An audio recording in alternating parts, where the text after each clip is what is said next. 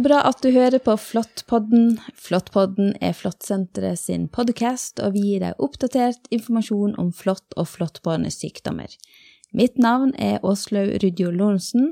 Jeg er lege og forsker ved nevrologisk avdeling, og jobber også i Flåttsenteret. Som vanlig har jeg med min gode kollega Yvonne Kerlevsen, biolog og rådgiver ved Flåttsenteret. Det er ikke bare oss to i dag som skal snakke om episodens spørsmål. Nei, for i dag har vi faktisk fått besøk av en eh, forskningskollega.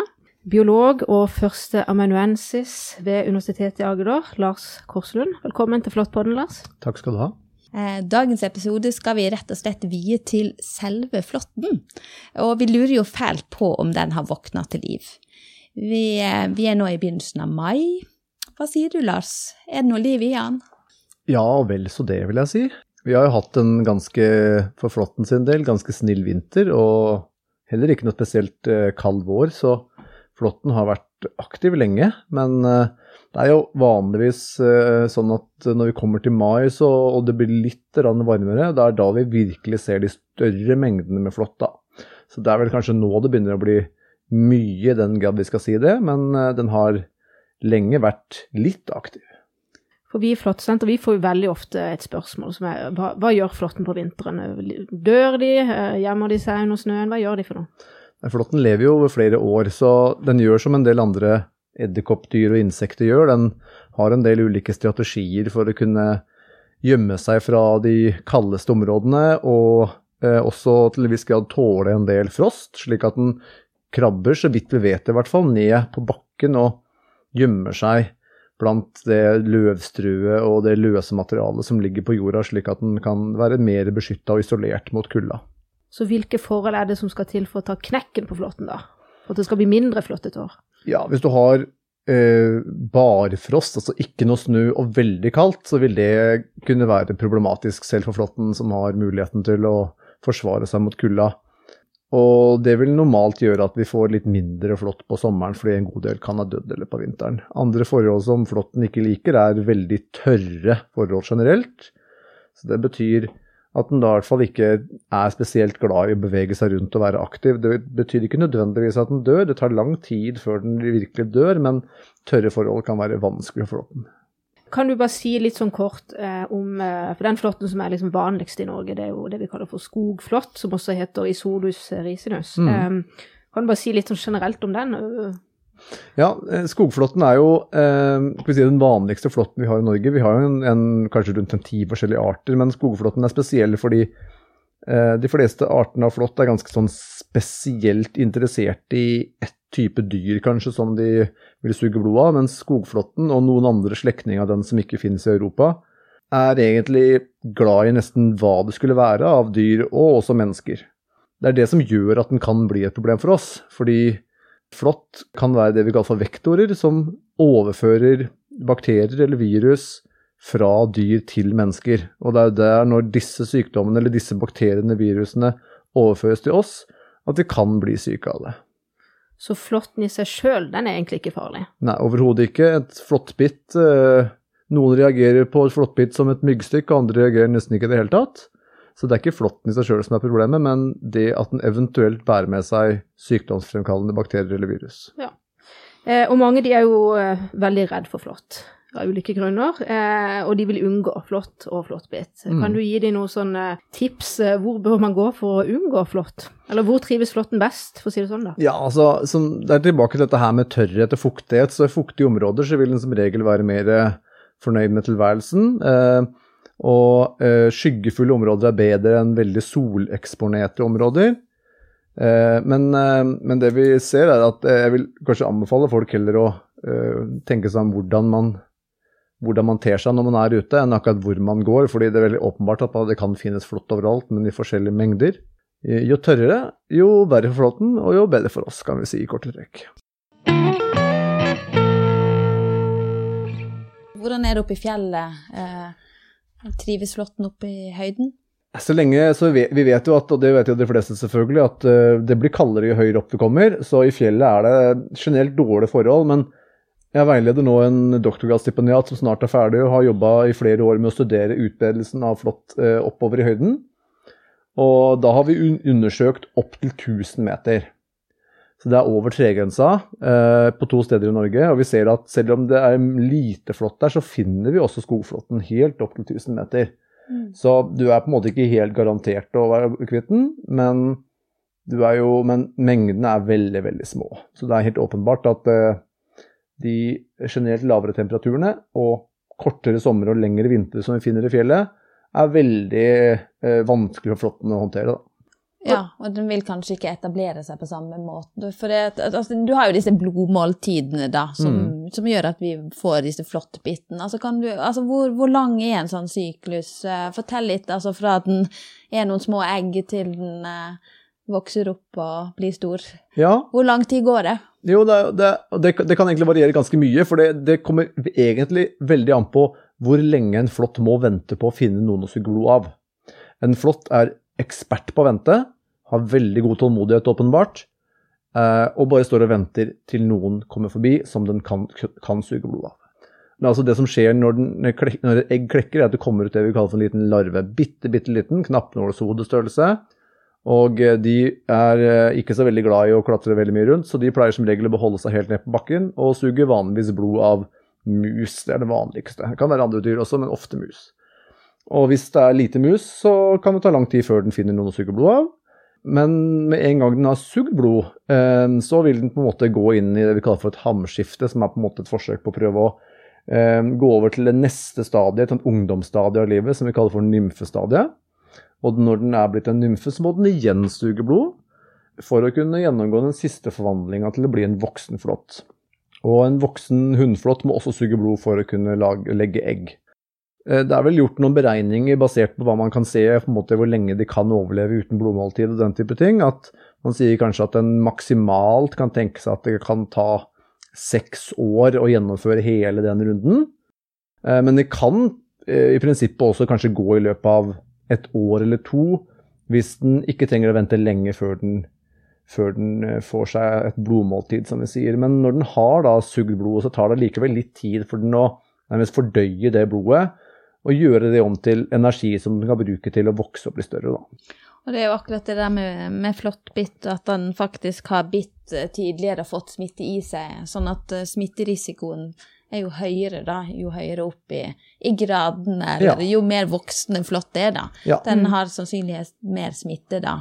Uh, og larve, larvene, hvordan er det med de? Nei, altså De, de fleste flåttbårne eh, på en måte virus og bakterier som er et problem for oss mennesker, de overføres ikke eller i veldig veldig liten grad fra mor til barn.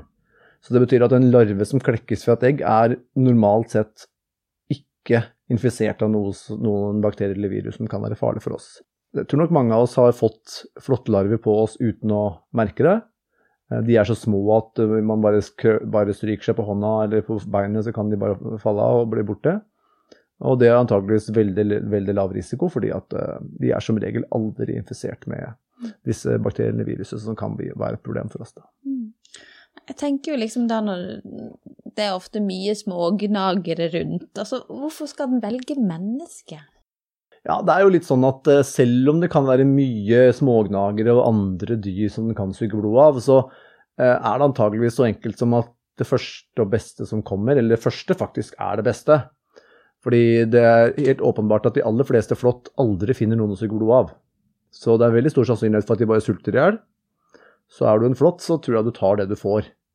Og er det et menneske, så får det være et menneske. Men det er ingen grunn til å tro at den foretrekker mennesker framfor andre dyr, da. Mm.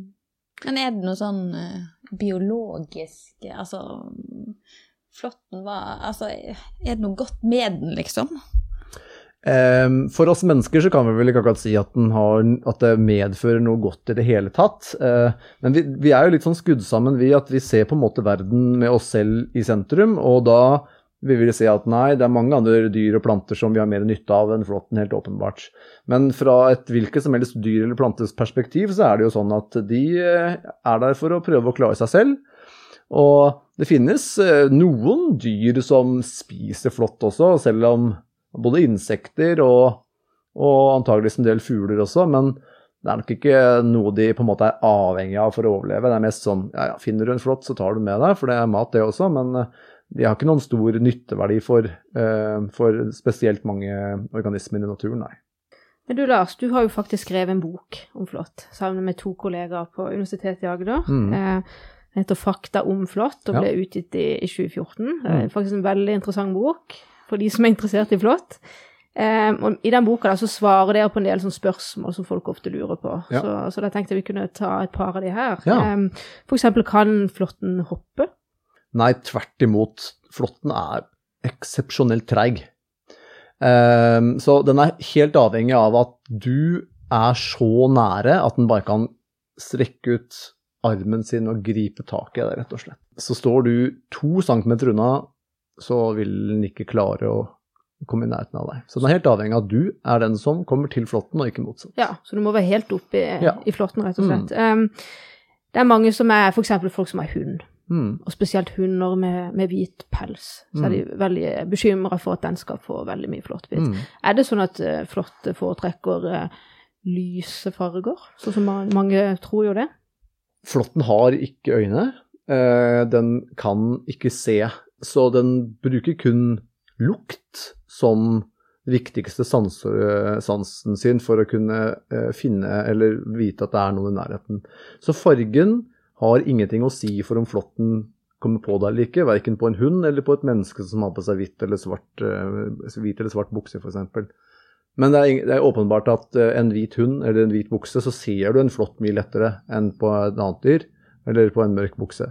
Så det er nok mer det at vi i større grad klarer å se flåtten lettere med lyse klær, og det kan jo være en fordel, faktisk, hvis du da faktisk er ute i skogen og har lyst til å prøve å plukke av flåtten så fort som mulig, som jeg vil anbefale at alle gjør, så kan jo lyse klær være mer praktisk enn mørke klær. Ja, det er jo greit å vite. Mm. Eh, og så får vi også en del spørsmål fra folk som sier f.eks.: eh, eh, Jeg får alltid masse flåttbitt. Jeg får eh, 40 stykker hver sommer, mens mannen ikke får noen. Mm.